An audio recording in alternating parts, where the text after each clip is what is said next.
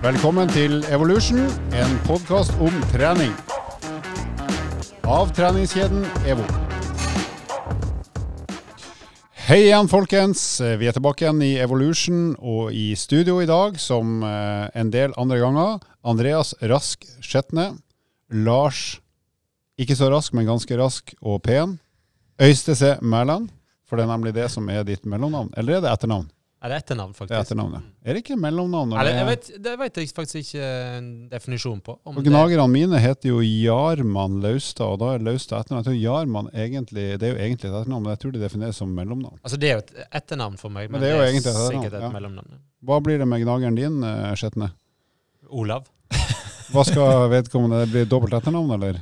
Det har vi ikke bestemt. Eh, Jeg aner ikke. Det, må Det er ikke opp til deg å bestemme, si. Nei, ikke sant. I og med at jeg er den fremtidige fadderen, så vil jeg gjerne ha et par ord med i det laget der. Ja, det er mange ting jeg ikke vet her i livet. Det eneste jeg vet, er at det blir ikke halvorine.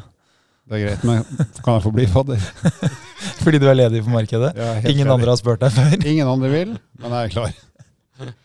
Eh, good. I denne episoden her så skal vi møte en utrolig kul fyr som er i ekstremt god form. Men han er også flink til å få folk som ikke er i så god form, til å få lyst til å trene, og til og med få det til. Ingen ringere enn Øystein, Øystein Pølsa Pettersen, som eh, jeg tipper de fleste har både hørt og sett eh, mange ganger. Eh, Så det kommer vi tilbake til om litt, men i den forbindelse, eller ikke den forbindelse, men som et litt tåpelig forsøk på ordspillhumor, så tenkte vi å høre rundt bordet her hvordan bygger vi egen pølse når det skal grilles i sommer. Og da snakker vi da om spiselig pølse, sannsynligvis grillpølse. Så eh, da lar vi han Lars Øystese Mæland få lov å ta ordet først. Hvordan, eh, hvordan tenker du å planlegge og gjennomføre din optimale sommerpølse? For å si det sånn, jeg er jo oppvokst med pølser, da hjemmelaga. Jeg er oppvokst på gard, og vi fra tidlig barndom eh, avla våre egne pølser, om man kan si det sånn. Eh, så, men jeg har aldri vært glad i pølse, eh, av en eller annen rar grunn sikkert òg. Så når jeg, når jeg var ung, så, så var det pølse. Det var ingenting til. Jeg skulle ha bitte litt ketsjup, men det, sånn, det var ikke tur-retur. Det var maks T, ikke UR. Eh, og så hata jeg eh, endene. Så de endene måtte eh, han gamle far han måtte tygge de av, eller bite de av, eller skjære de av, og så kunne jeg begynne å spise. Det var pølse uten noe annet.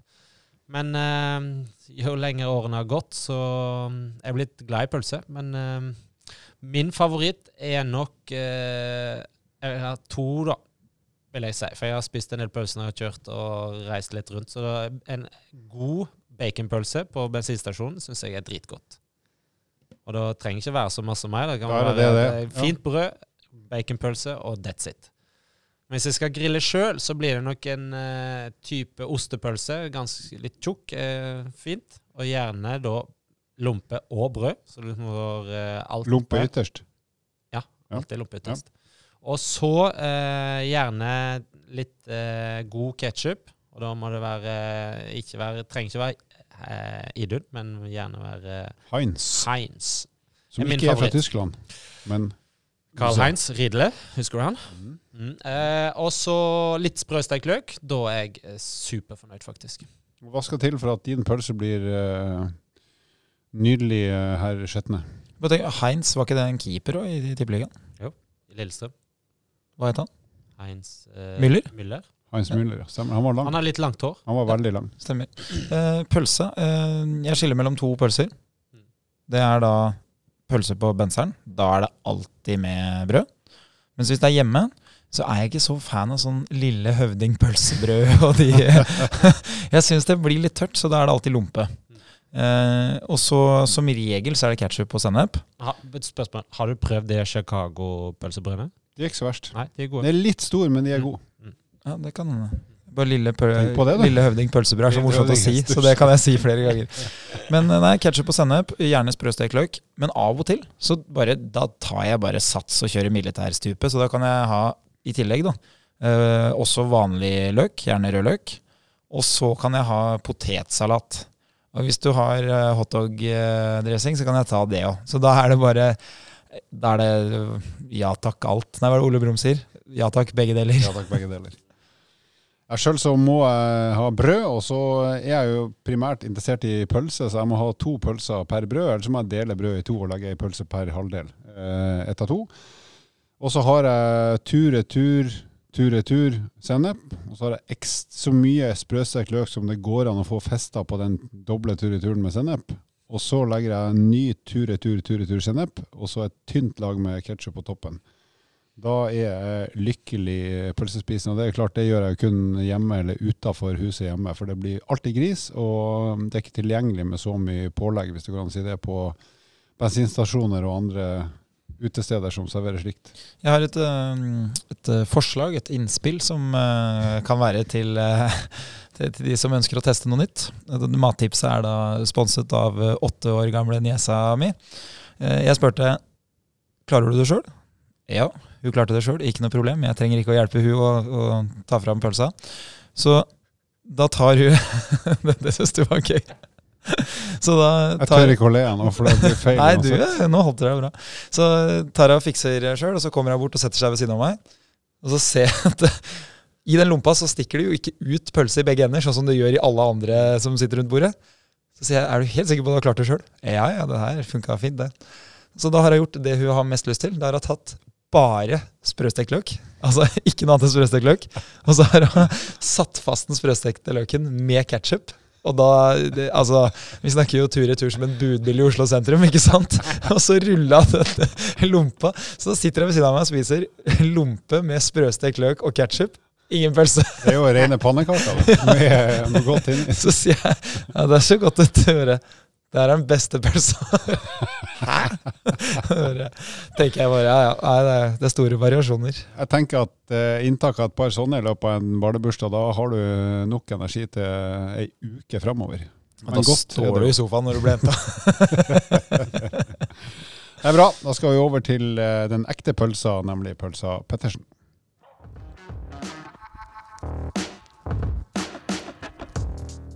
Bra. Eh, da er vi inne i studiet vårt her i EVO, og vi er så ekstremt heldige å få en eh, i våre øyne en eh, ganske morsom og ikke minst kjent idrettsutøver med i podkasten. Det er Øystein Pettersen. Sittende på Lillehammer, hvor vi i disse dager åpner vårt 45. EVO-senter, faktisk, i OL-byen. Verdens nordligste OL-by, faktisk. Visste du det?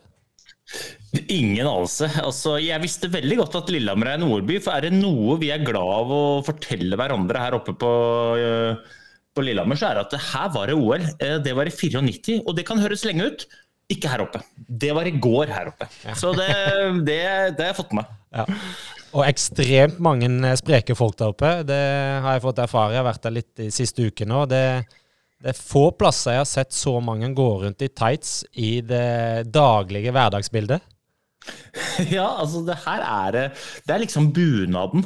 Eh, det å gå rundt i tights her. Og her, jeg tror, vel er, jeg tror det må være en av de få stedene i verden hvor folk går søndagstur på rulleski eller ski.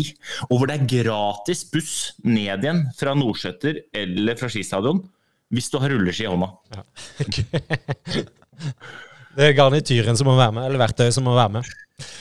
Men vi er som sagt veldig glad for å ha deg med, og vi skal eh, i gang med litt sånn forskjellige tema. Litt i forhold til hva du har erfart i din både idrettskarriere og eh, erfaren nå, både som eh, pappa og ektemann, og ikke minst i litt av det arbeidslivet som du nå skal fortelle litt mer om. Men det vi er litt nysgjerrige på, jeg og Andreas, er hvis du kan ta for de som ikke er så kjent med hvem Øystein er. Hvem er ja. du? Eh, nei, det er et godt spørsmål. Ofte så blir jeg introdusert med ting som jeg har gjort. Uh, og da drar man opp av hatten at jeg har gått på ski, uh, at jeg har uh, gjort det litt bra, litt dårlig, at jeg har vært med på en del TV-program, og at jeg nå jobber med foredrag og tjoei. Men det forteller jo ingenting om hvem jeg er. Eh, så jeg er eh, en gutt på 38. Uh, gifta meg med ei flott dame fra stedet Gud Reiti. Er pappa til to. Og så er jeg ærlig på at jeg prøver å gå rundt og være en bra fyr. Så det er det, er det jeg er. Men min aller viktigste tittel er pappa. Og Det er Andreas òg snart enig i. Andreas skal bli pappa i, i mai, forhåpentligvis.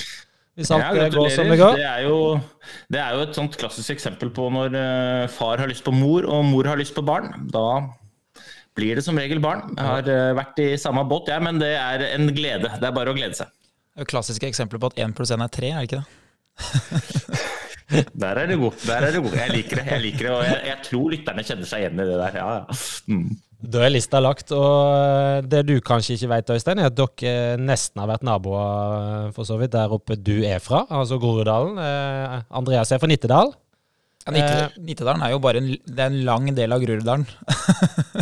Ja, det sier jo folk som bor i Nittedal. Eh, men men det, er ikke, det er ikke til å legge skjul på at eh, med en gang du passerer Gjelleråsen, så skjer jo noe. Altså, ikke sant? Ninjago byttes ut med kart og kompass.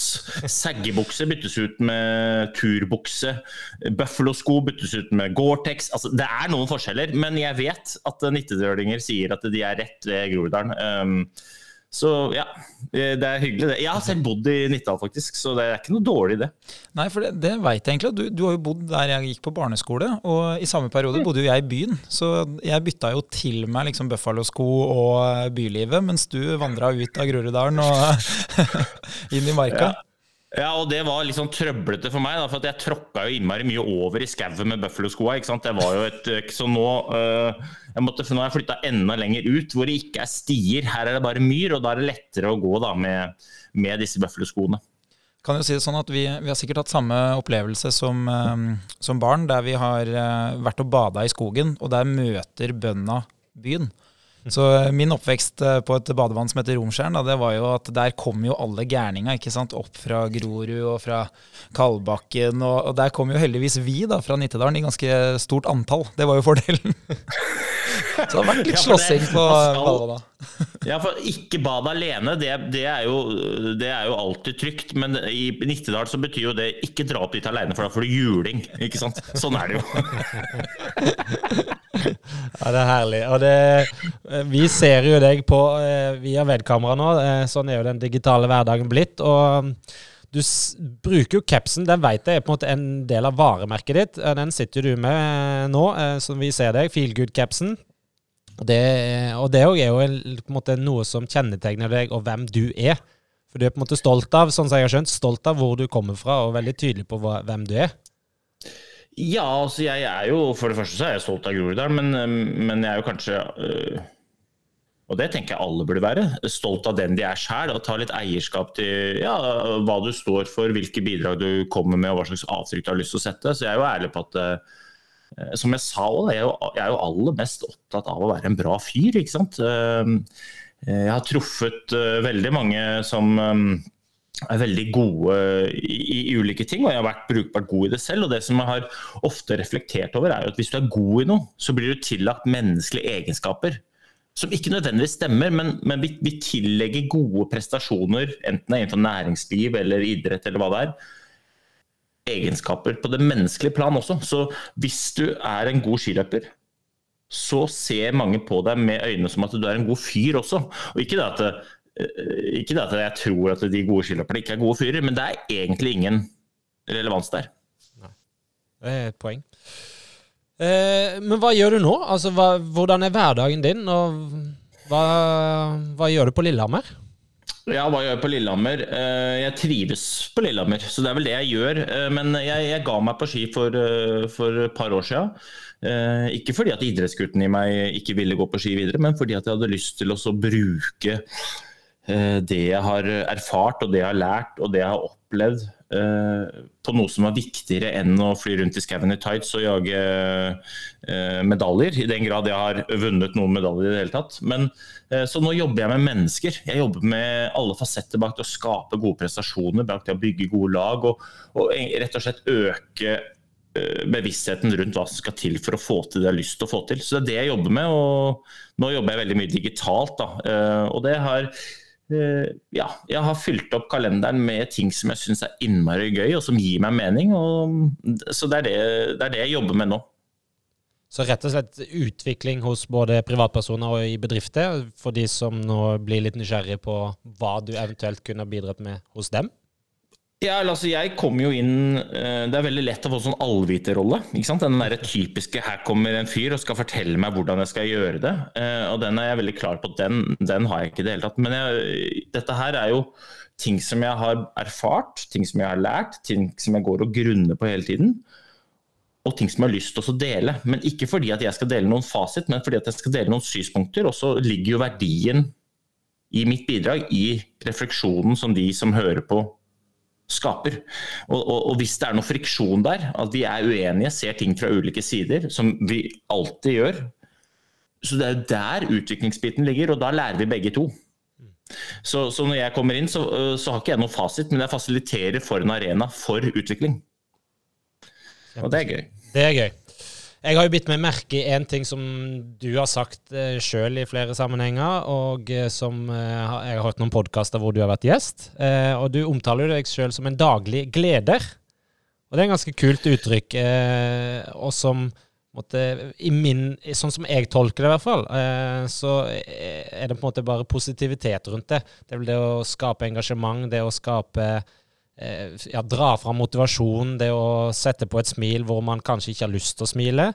Og eh, det bringer meg litt over på eh, både den situasjonen eller perioden vi har vært litt inne i nå, i forhold til korona og ting eh, kanskje ikke har gått helt veien for alt, eh, alt og alle. Eh, både i forhold til fysisk aktivitet, men òg jobb og måte situasjonen hvor hverdagen har vært rett og slett veldig mye annerledes.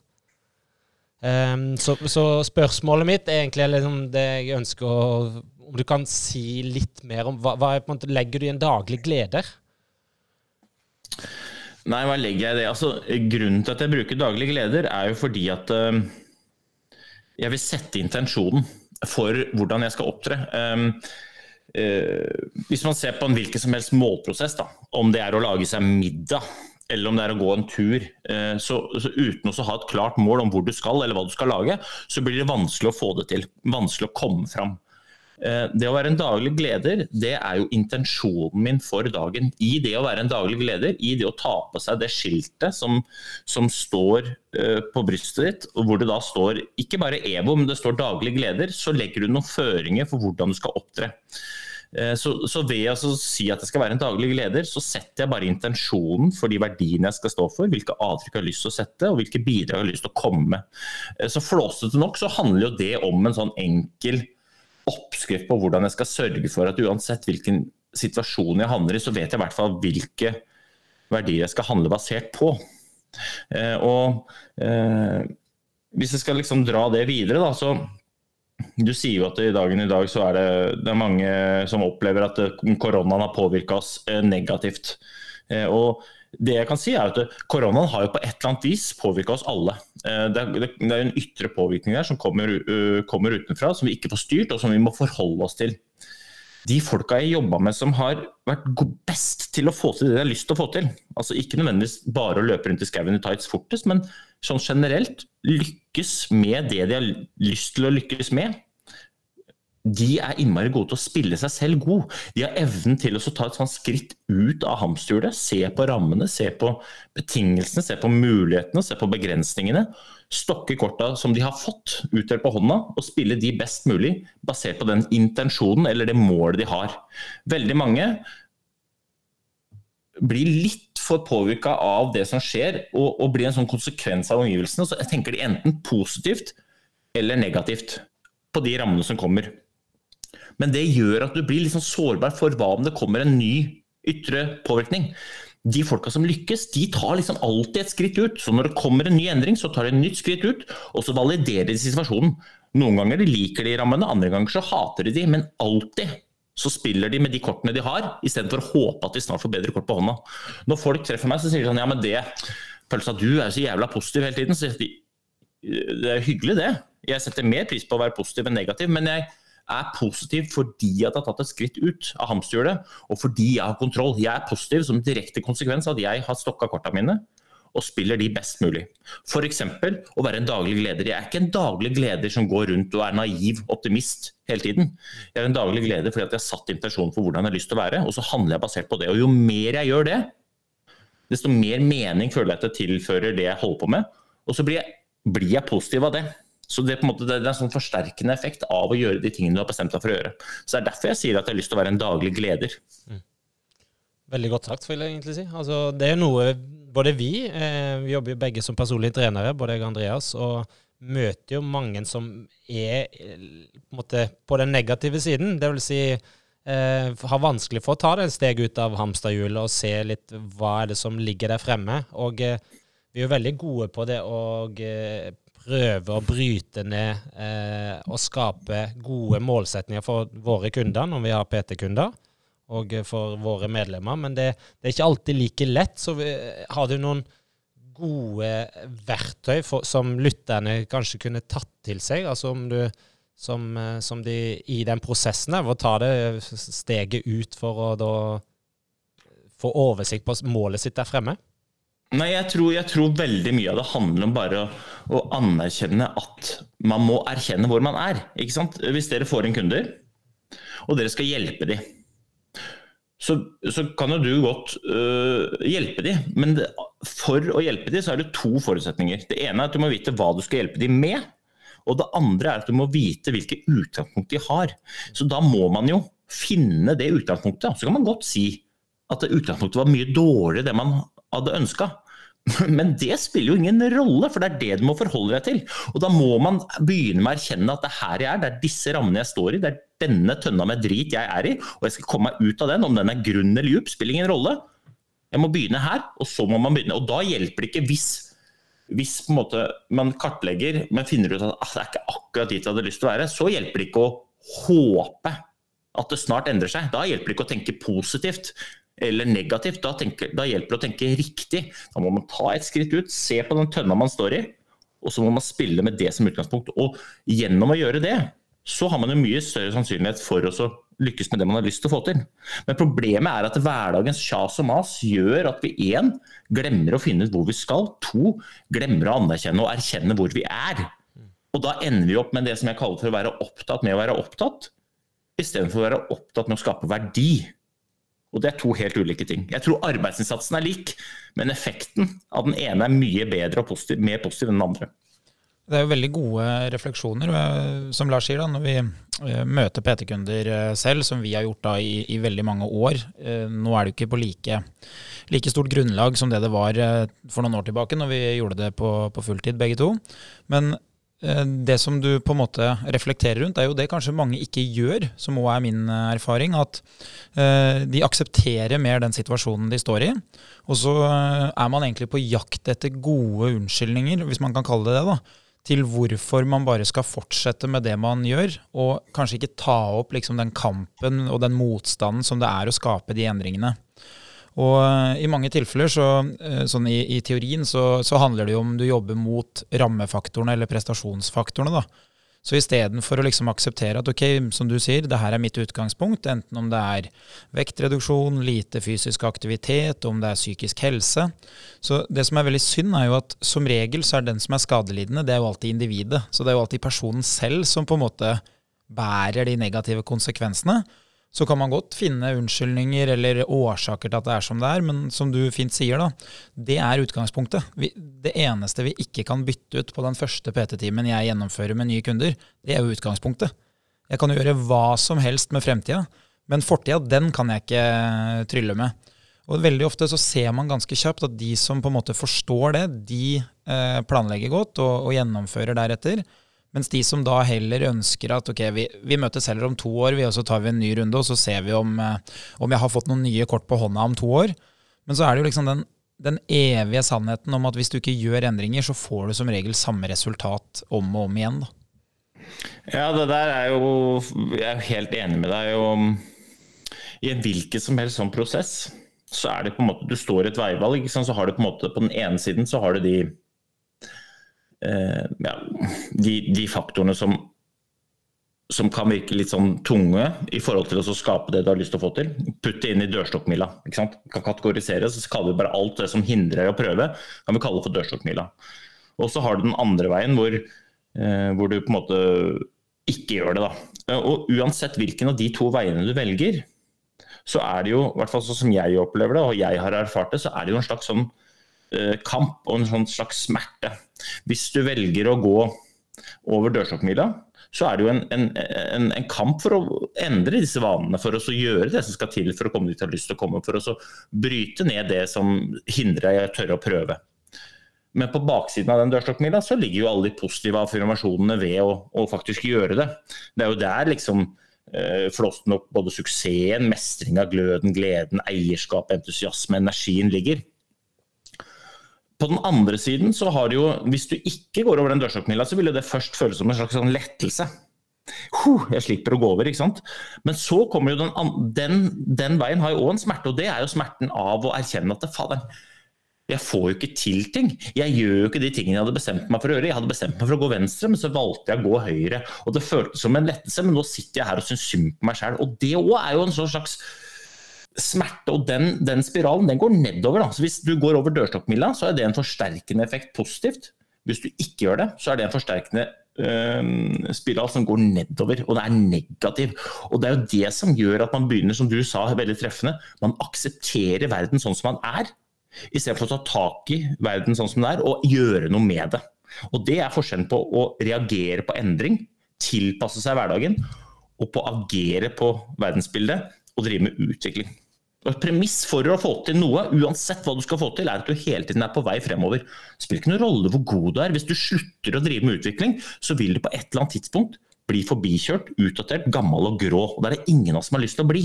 Hvis du er verdens beste, så må du løpe alt du kan for å bli stående på stedet hvil i den posisjonen du har. Ja, ikke sant? Og Det som er morsomt da med, med den tankegangen som du deler her, da, og det som òg er min erfaring, er jo at uh, ting forplanter seg jo videre. Så idet du på en måte har blitt en person som tør å angripe utfordringene, så blir det lettere og lettere. Mens motsatt vei, hvis du er en person som liker å på en måte utsette det, kanskje du har litt lyst til å unngå den første smerta som du snakker om, da, så blir det ofte en sånn gjentagende greie. Eh, jeg vet jo det er flere idrettsutøvere som har på en måte prøvd å fortelle litt om en sånn type situasjon i, i hverdagslivet. Og eh, hvis ikke jeg tar helt feil, så hadde jo eh, Aukland-brødrene tulla jo med at de skulle aldri bryte, for den dagen du får lov å delta i bryte-IL, så er det utrolig vanskelig å komme seg ut av det medlemskapet i det idrettslaget. Og det er jo noe i det at liksom, hvis du først har blitt en person som syns at det er eh, ålreit å skuffe deg selv, så blir det ikke vanskeligere å skuffe seg selv neste gang. Det blir lettere. Fordi man allerede har den innstillinga. Ja, altså jeg kommer fra idrettsverden hvor uh, jeg tror ikke på tilfeldigheter. Jeg uh, tror alt henger sammen med alt, og jeg tror alt er konsekvenser av de valgene vi tar, og de handlingene vi gjør. Uh, jeg tror heller ikke at du skal gå rundt og hele tiden være sånn der eh, innmari hardcore. Jeg hører noen som presser på og liksom sier øh, kjør liksom det ytterste hele tiden. Det, det har jeg ikke noe trua på, for det er ikke bærekraftig. Men det jeg har veldig trua på, er å være bevisst i valgene vi tar. Så hvis du velger den ene eller den andre veien, så vær det bevisst. da.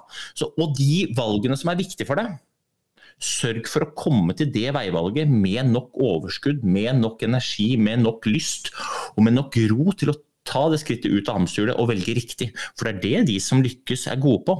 Og så er min erfaring at akkurat det valget der sånn, det blir ikke noe lettere selv om det har blitt en vane. Men det blir en selvforsterkende effekt gjennom at du, hvis du gang på gang velger riktig, da, går over dørstokkmila, så bygger du det jeg kaller for selvtillit. Og selvtillit handler ikke om å være god i noe. Selvtillit handler om å anerkjenne og erkjenne for seg sjæl at jeg gjør det jeg har bestemt meg for å gjøre. Hver gang.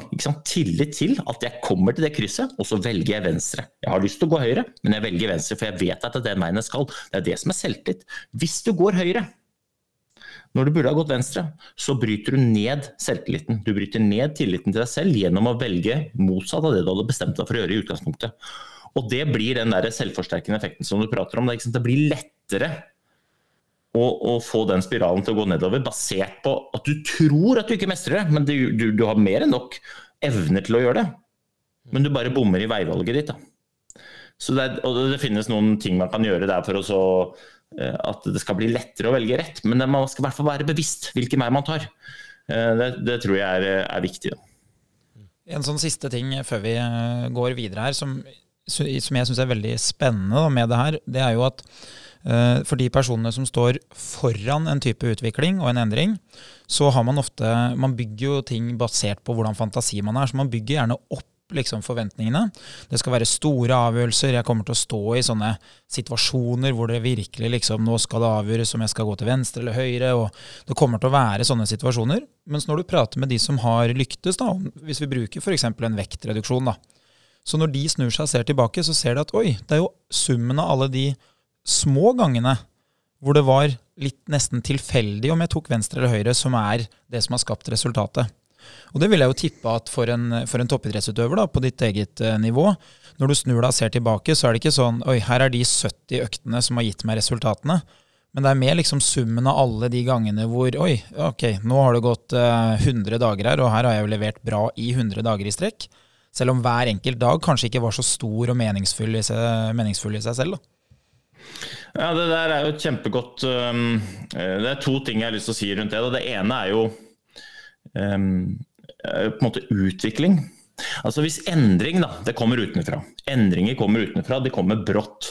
Endringer kommer utenfra, du får ikke styrt i. Utvikling det er jo et valg man tar hver eneste dag når man kommer til disse veivalgene. Det er et bevisst uh, valg og en bevisst handling man gjør. Endring kommer brått, utvikling er kontinuerlig med små små skritt og skjer over lang tid. Når utviklinga har nådd et nivå, så ser andre det som endring. Mens den som har drevet med utvikling, sier nei, men dette har jeg holdt på med i ukevis, månedsvis eller i år, avhengig av hvor høy ambisjonen er. Så utvikling tar tid. Endring skjer brått. Altså Se på kidsa. Nå har det vært korona. Mine foreldre har ikke sett mine unger, de er da seks og ni år. Jeg har ikke sett dem på et halvt år. Jeg har ikke sett at de har vokst. Mm. Men de har vokst bitte litt hver eneste dag. Så kommer mine foreldre inn etter at de ikke har sett dem på et halvt år. Jøsse nam, så mye dere har vokst, da! Når skjedde det, liksom? Ja, det skjedde litt hver eneste dag. Eh, det er jo det ene. Det andre er jo liksom um, I det så ligger det jo kanskje en sånn forståelse at ok, vi må sette oss lave mål. Og jeg er ikke for å sette lave mål fordi at det sier noe om ambisjonsnivået sånn generelt. Folk er mer enn kapable til å få til det de har lyst til. Ikke nødvendigvis at du må være best i noe, men få til det du har lyst til. Så vær så ambisiøs som du har lyst.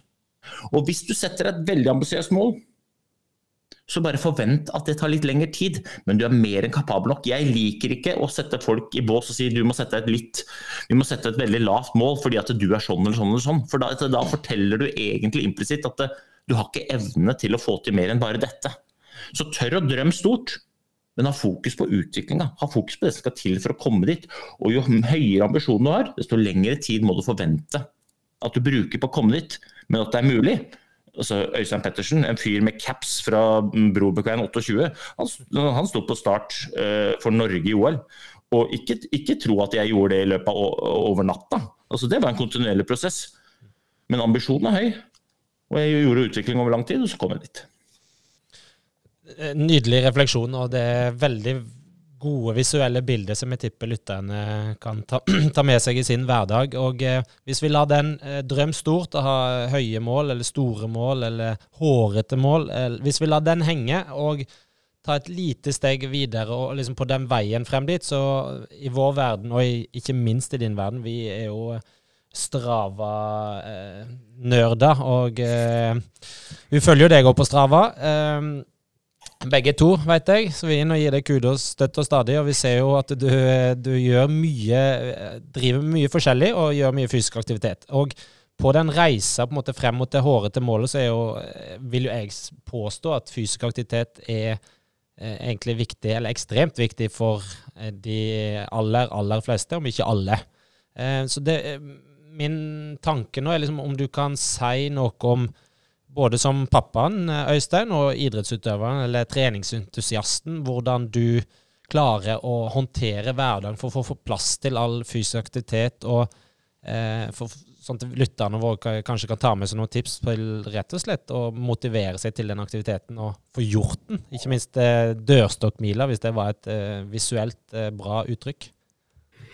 Ja, det var jo mange spørsmål i ett. da, ja. Men uh, jeg kan jo begynne med hvorfor jeg trener nå. da. Uh, for det første så er jeg en idrettsgutt. ikke sant? Uh, tidligere så har jeg hatt som jobb å trene. Nå har jeg ikke det som jobb, men nå ser jeg på det som Jeg ser på det både som en sånn plass for å for å få tid for meg sjæl, hvor jeg kan på en måte gjøre de tinga jeg syns er gøy. Så jeg, jeg, er veldig opptatt av at trening skal være gøy, og det skal være noe jeg har lyst til å gjøre. Eh, men så ser jeg òg på trening som en helt essensiell del av det jeg må gjøre for å velge riktig i de veivalgene som vi prater om. For nå så jobber jeg veldig mye. Jeg jobber med folk, jeg jobber med de tingene jeg brenner for, og jeg jobber òg med å kunne være 110% til stede. Og For å få til det, så må jeg ha nok energi tilgjengelig til å, få, uh, til å kunne levere det jeg har lyst til å levere når jeg jobber med kundene mine. Så Derfor så bruker jeg trening som et verktøy for å ha nok energi. Jeg skaper energi gjennom å trene. Så Jo mer krevende hverdagen er, desto viktigere er det for meg å legge til rette tid og hverdagen sånn at jeg faktisk får skapt den energien som skal til for å takle hverdagens både kjente og, og ukjente utfordringer. For jeg vet at hverdagen krever mye, og jo mer hverdagen krever av meg, desto viktigere er det for meg å legge inn tid til å skape energi til å takle den. Så jeg ser på trening som en helt sånn grunnpilar for å takle hverdagene. Eh, så Derfor så blokker jeg tid hver eneste dag til å trene for å få energi til å levere. Så, så Det er liksom utgangspunktet mitt for trening. Og mitt aller beste råd der er jo rett og slett å planlegge, altså kartlegge hvordan dagen er. Og planlegge tid for å skape energi i den dagen. Og så opplever jeg da at det er veldig lett å få til det hvis jeg klarer å kommunisere med de folka rundt meg at dette er mine ønsker for dagen. Og så i tillegg spørre hva er deres ønsker for dagen. Sånn at vi sammen kan lage gode dager. Så istedenfor at jeg sier at pappa skal trene og han skal gjøre det sånn og sånn, og sånn, han skal gjøre det akkurat når du trenger meg til noe annet, så sier jeg hvordan er dagen din, hvordan er ønskene dine, hva er behovene dine, hva er det du må gjøre. Og så syr vi da sammen opplegget sånn at jeg gjør det jeg må gjøre, de gjør det de skal gjøre, og at vi sammen gjør det litt usynlig, men til sum så sørger vi for at vi presterer best mulig. Så jeg, jeg prøver jo rett og slett å, å spille meg sjæl god gjennom å kartlegge egne behov, andres behov, og forholde meg til de rammene jeg har, og så legge opp trening. Noen ganger så betyr det at jeg trener etter uh, leggetid. Andre ganger betyr det at jeg trener mellom to møter på jobb. Uh, eller en annen dag så kan det være mens ungene er på trening selv. Men men jeg prøver hele tiden å være bevisst på at i løpet av en dag så skal jeg ha tilgjengelig tid til å få den energien jeg trenger. Mm. Du snakker jo litt om, um, om, energi, og det er jo noe som eh, ofte er resultatet av treninga. Og som vi eh, gjerne da har mange erfaringer med, uh, både hos oss selv og hos andre. Og en av de tingene som jeg alltid har syntes har vært veldig spennende, da, og der Lars sier at uh, det er en viktig del av å lykkes med andre ting. Så Eh, ofte så ser man at folk har stor respekt for veldig mye av det som skjer i livet, og kanskje fraskriver seg litt av ansvaret. ikke sant? Hvis du jobber et sted, jobben går bra, så har du en innsats som har bidratt til at jobben går bra. Men du kan jo gå rundt og tenke at ja, ja, men de 99 andre som jobber der, det er jo de som på en måte er, det er de som leverer, og så er jeg en del av laget. Mens det mange opplever hvis de er flinke til å planlegge og gjennomføre trening, det er jo at de selv får eierskap til noe som ingen andre egentlig påvirker. Så veldig mange av de PT-kundene som jeg har trent opp gjennom mange år, og som har lyktes godt med trening, de blir ofte veldig robuste, og de får ofte ganske god selvtillit til å gjøre andre ting i livet som de kanskje ikke hadde vært klare for hvis de ikke hadde fått en sånn opplevelse hvor det er ok, det er min planlegging, min gjennomføring, og dermed er det mitt resultat. Så en av de tingene som jeg vil, vil anbefale, da, det er jo om ikke trening for fysisk form, eh, så i hvert fall trening for eh, energi. Men også fordi du får den selvtilliten av at det er bare du som kan møte på trening. Det er samme hvem som er foreldrene mine, eller hvor mye jeg har i lønn fra jobben, eller Altså, det er, det er mitt resultat. Det er ingen andre som kan møte opp når jeg skal på trening. Jeg er 100 enig. Og så er det jo det er så mange eh, Det er så mange som på en måte undervurderer effektene av både eierskap, men òg gjennomføring. Jeg går jo rundt og sier at den aller beste delen av det å skape et resultat, aller beste, det er jo selve jobben. Og ikke fordi at jeg alltid elsker jobben, men fordi at jeg elsker det som er effekten av og konsekvensen av å gjøre den jobben. Ta f.eks. motivasjon, og du spilte opp her i stad. Motivasjon. Folk går rundt og sier ja, men det er jeg ikke motivert for, sier folk. Jeg orker ikke, passer meg ikke, raker ikke, vikke, hakke, mokke, skakke, fokke, bøkke, takke, tøkke. Det er bare sånn øh.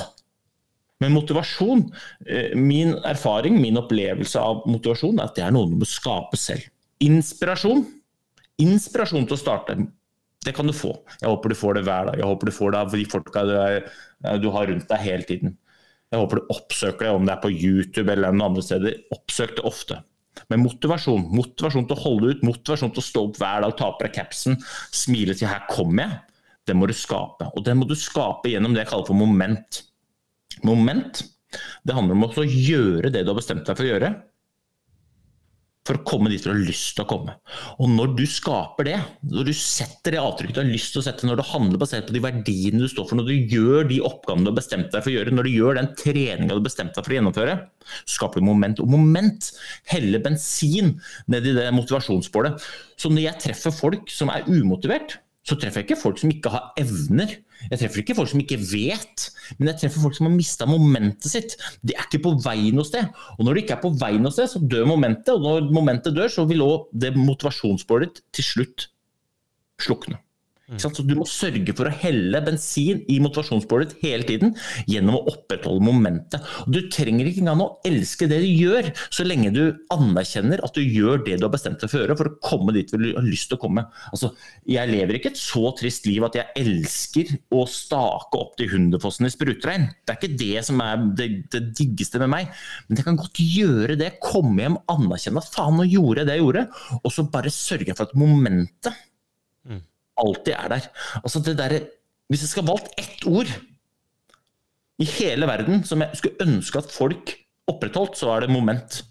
For det er så mye moment. I idretten så kalles det for flow. Det er den der følelsen av at nå er, jeg, nå, er jeg på, nå er jeg til stede, og nå er jeg på vei noe sted. Men i flow, eller i moment, så ligger det masse jobb. I flow eller moment så ligger det masse fokus. I flow og moment så ligger det masse dedikasjon og eierskap. Men det ligger så sinnssykt mye positive affirmasjoner i det i tillegg. Fordi at folk, altså de umotiverte f.eks., jeg tror ikke de er umotiverte fordi de ikke står på, men jeg tror de bare står på med feil ting i forhold til det de har bestemt seg for å gjøre. Så de går rundt og er opptatt med å være opptatt, istedenfor å være opptatt med å skape verdi. De råeste folka jeg treffer, de folka som er best til å skape resultater, uavhengig av hva slags resultater du snakker om, de gjør innmari mye av bitte litt. Mens de aller fleste de gjør bitte litt av innmari mye. Og innmari mye av bitte litt, det er oppskriften på å få til noe. Bitte litt av innmari mye, det er oppskriften på å bli sliten. Mm. For de som ikke ser, eller nå ser jo ikke lytterne våre deg, men jeg, jeg sitter og smiler fordi jeg ser entusiasmen i, i deg og ditt smil òg, Øystein. Og det er ganske morsomt og inspirerende, kan man vel si. Så jeg skulle ønske folk eller lytterne og eh, Jeg tipper mange av de, så skal jeg starte riktig, går rundt og smiler, for er, eh, den entusiasmen den smitter litt gjennom mikrofonen. Og eh, Iallfall for min del. Og um, det, det, var et ganske bredt spørsmål jeg stilte i sted, og det merker jeg sjøl at man blir jo liksom ivrig og entusiastisk. Så jeg skal plukke ned ett av de eplene, og det vil si som vi får litt spørsmål fra våre lyttere innimellom. Men hvordan får jeg tid til dette, spesielt med småbarn? Og du, dine var seks og åtte, var ikke det? Seks og ni. Eh, hvis du kan gi noen, bare noen konkrete tips Eller jeg kan spørre egentlig, hva gjør du med dine barn i forhold til fysisk aktivitet? Altså, gjør dere noe sammen? Eh, klarer man, eller Kan du gi noen tips akkurat på, på det spesifikke området? Ja, Det kommer jo helt an på hva du mener med, med trening. da. Eh, for jeg liker jo å, å, se på trening som mitt fristed. Jeg sa jo det. At mm. jeg, når jeg trener, så liker jeg å gjøre det, mm, gjøre det aleine. Av den enkle grunnen at jeg eh, har behov for å, å, skape energi. Og når jeg er sammen med ungene mine, så gir jeg mm. energi til de. Eh, så jeg, jeg, legger aldri opp til trening sammen med de, men jeg er jo ærlig på at vi gjør massevis eh, av aktiviteter sammen som, eh, som jeg syns er gøy, og som sørger for at jeg holder meg i bevegelse. Det er ikke sikkert at eh, alle sammen verken har tid til, mulighet til eller lyst til å trene hver dag, selv om jeg gjør det. Men det er bare det jeg gjør fordi at jeg skal få energi. Hva andre gjør for å skape sin energi, det må jo de svare på. Eh, men, men mitt konkrete råd er fortsatt altså ta et skritt ut av eh, hamsterhjulet og se på hverdagen. da. Hvis det er hverdagen du står i, se på de rammene du står i, se på de betingelsene du har, se på de forutsetningene du står i. Og, og istedenfor å akseptere at det er sånn som de er, så se heller på hvilke muligheter du har til å få det sånn som du vil. For det er så stor forskjell på liksom å bare gå rundt og så si ja, men det er ikke så lett for meg, eller nei, det blir sånn eller sånn og sånn. Og så si ok, greit. Hvor er det jeg legger tiden min, hvor er det jeg legger mine ressurser, hva er det jeg har lyst til å få til? Og så på en måte planlegge ut ifra det. Da. Og det handler jo om Det er jo det samme. ikke sant? Vit målet, og både anerkjenn og erkjenn hvor du er, og så jobb ut ifra det.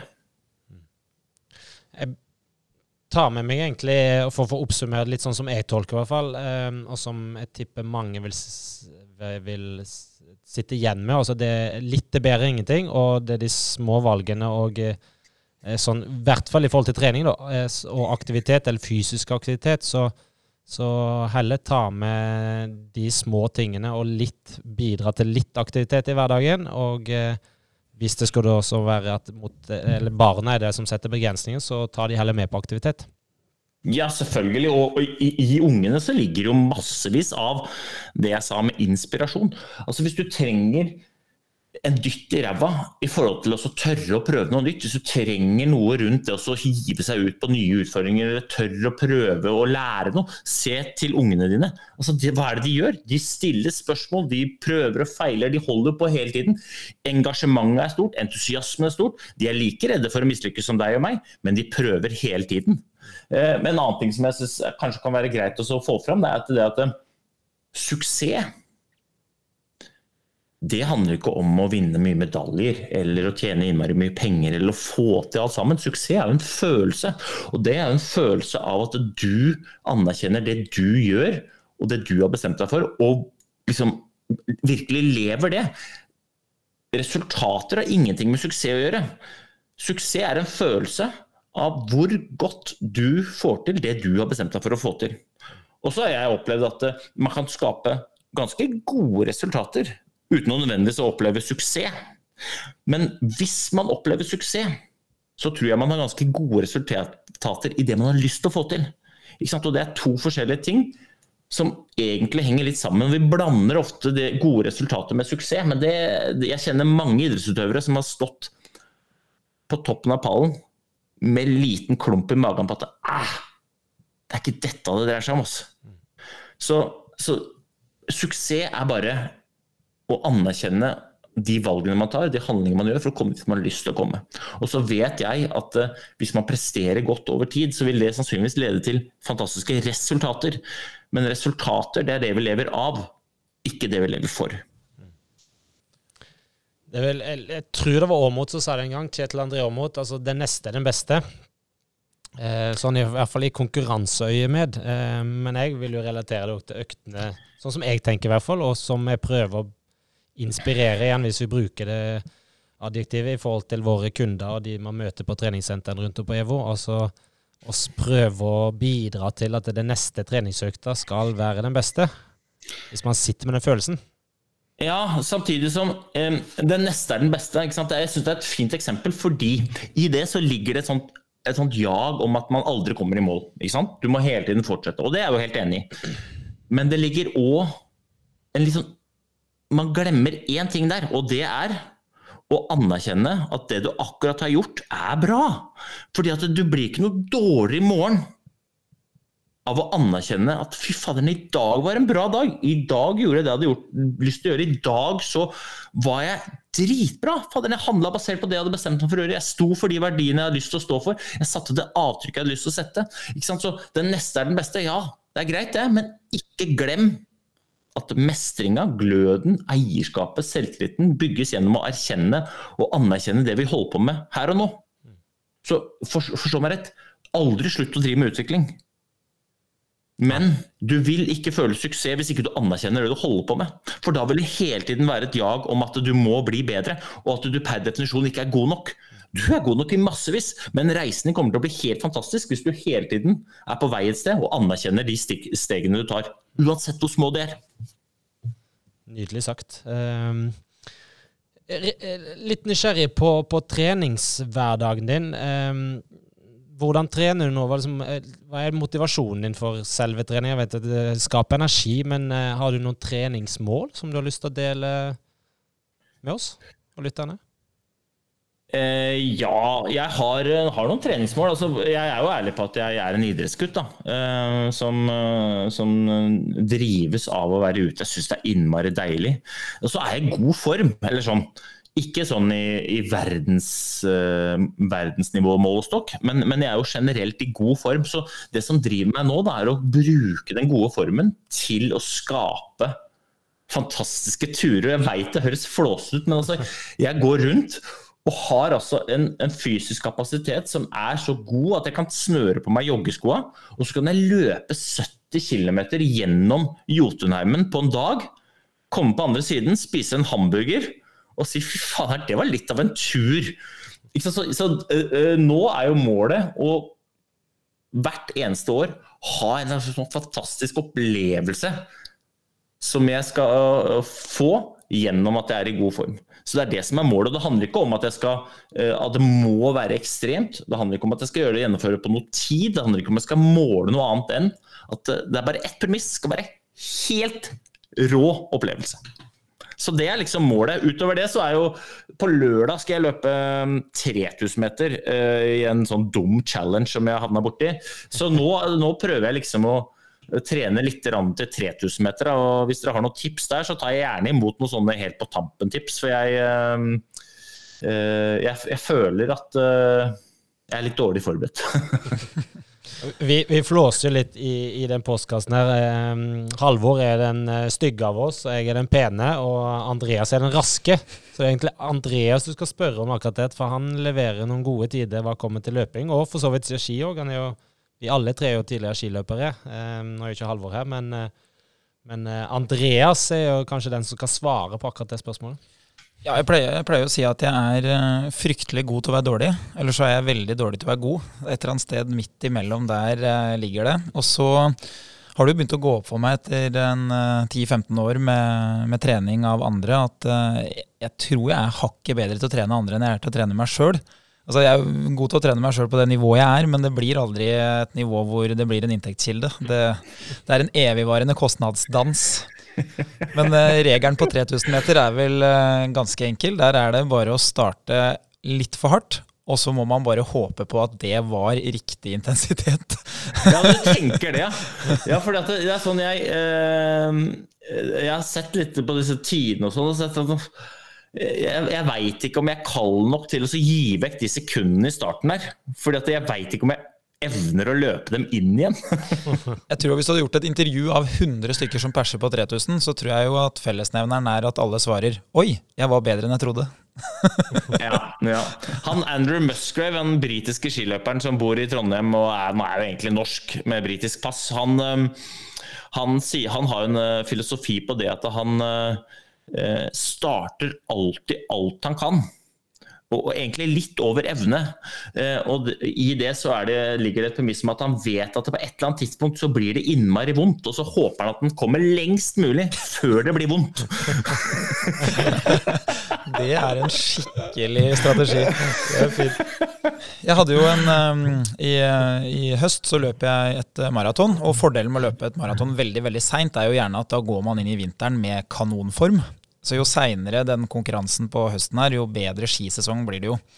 Og så har jo året vært veldig rart, og eh, jeg må jo si at eh, etter mange år med Birken og sånn, så, så, har jeg ligget litt på latsida i forhold til, til skigåinga. Det, det, krever jo mye, krever litt reising.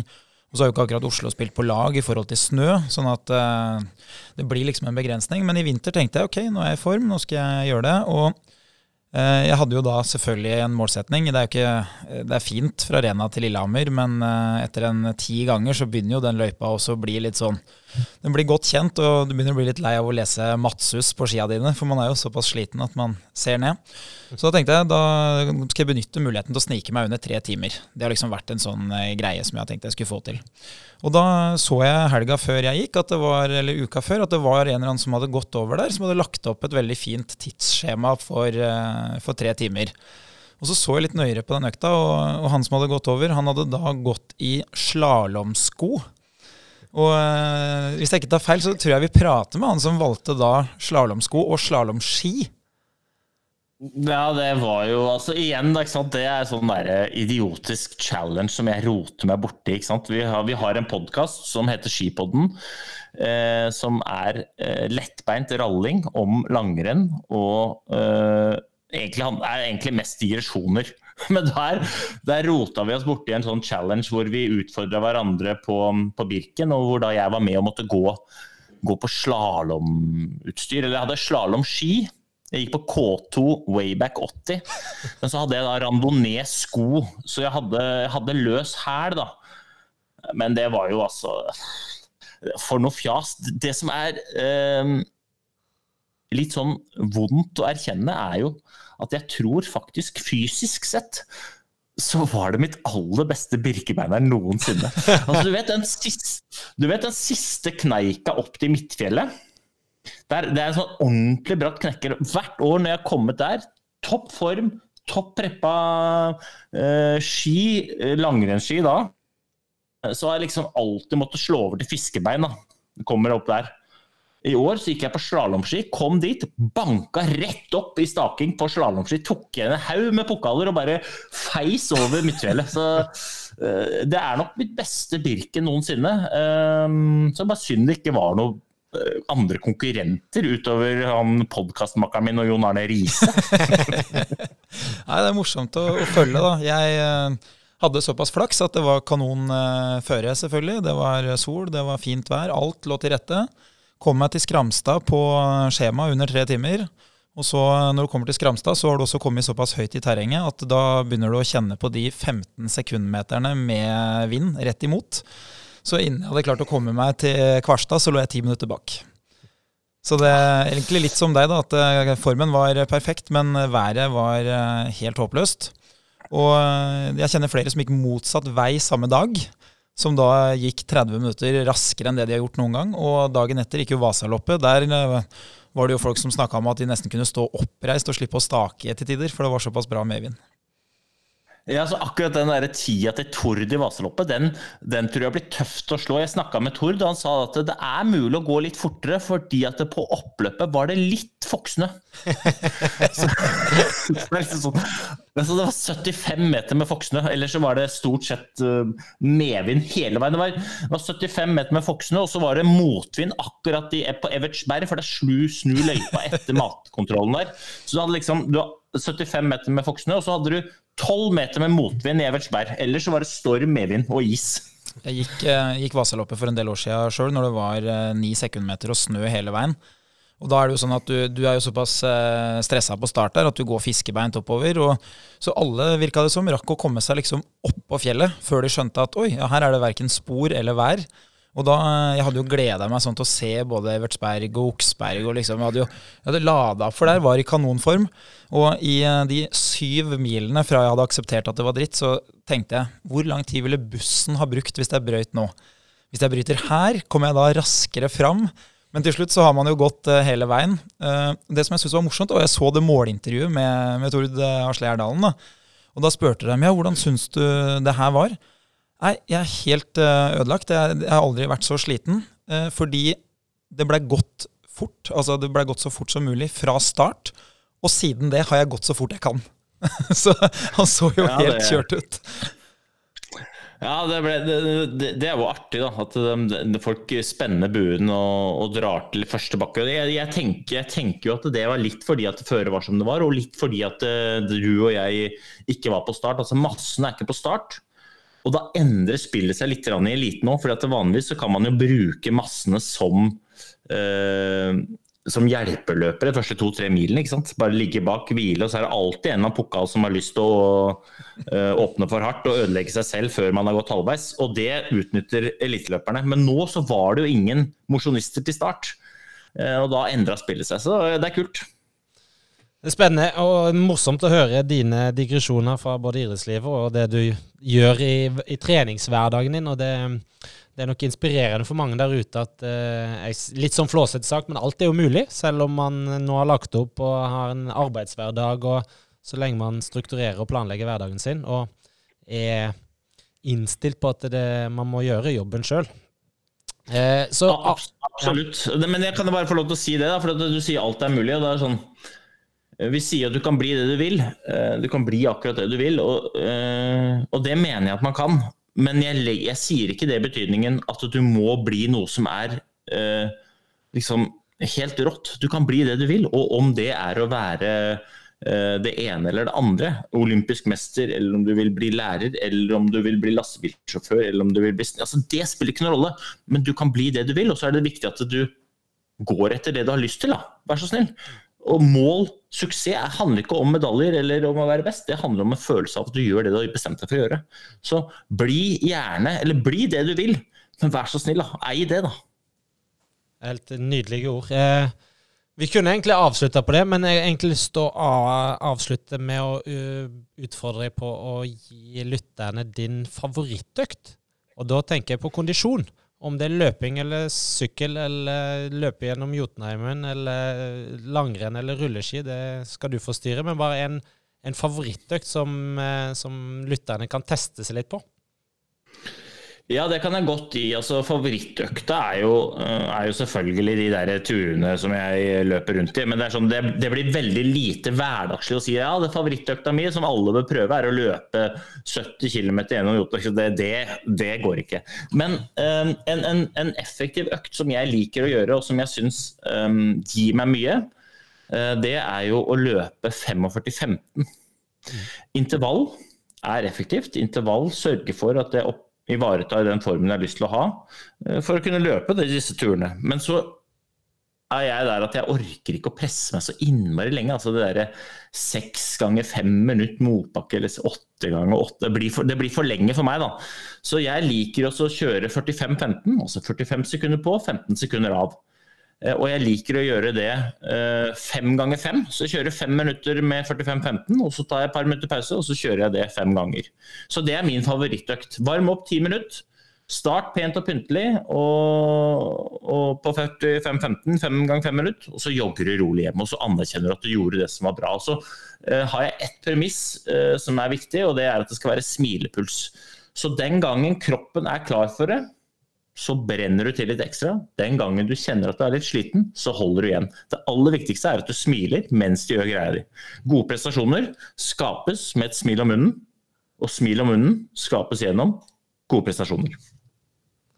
Helt nydelig. Og med de eh, fantastiske orda så takker vi for at du eh, satte av den tida til å være med oss her i Evolution. Og så kanskje vi snakkes igjen seinere, eller kanskje vi ses på Lillehammer, eventuelt eh, andre steder rundt om i, i Norges land. Vi eh, er iallfall veldig glad, og ikke minst så er det inspirerende å følge deg på Strava, for der gjør du veldig mye forskjellig. Det er hyggelig å høre. Det er hyggelig å høre. Takk for at du fikk være med. Da er det bare for meg å si som jeg alltid sier, ikke ha en god dag, men lag en god dag. Og med det snakkes. Hola! Vil du vite mer om trening, abonner på podkasten og sjekk ut vårt treningsmagasin på evo.no.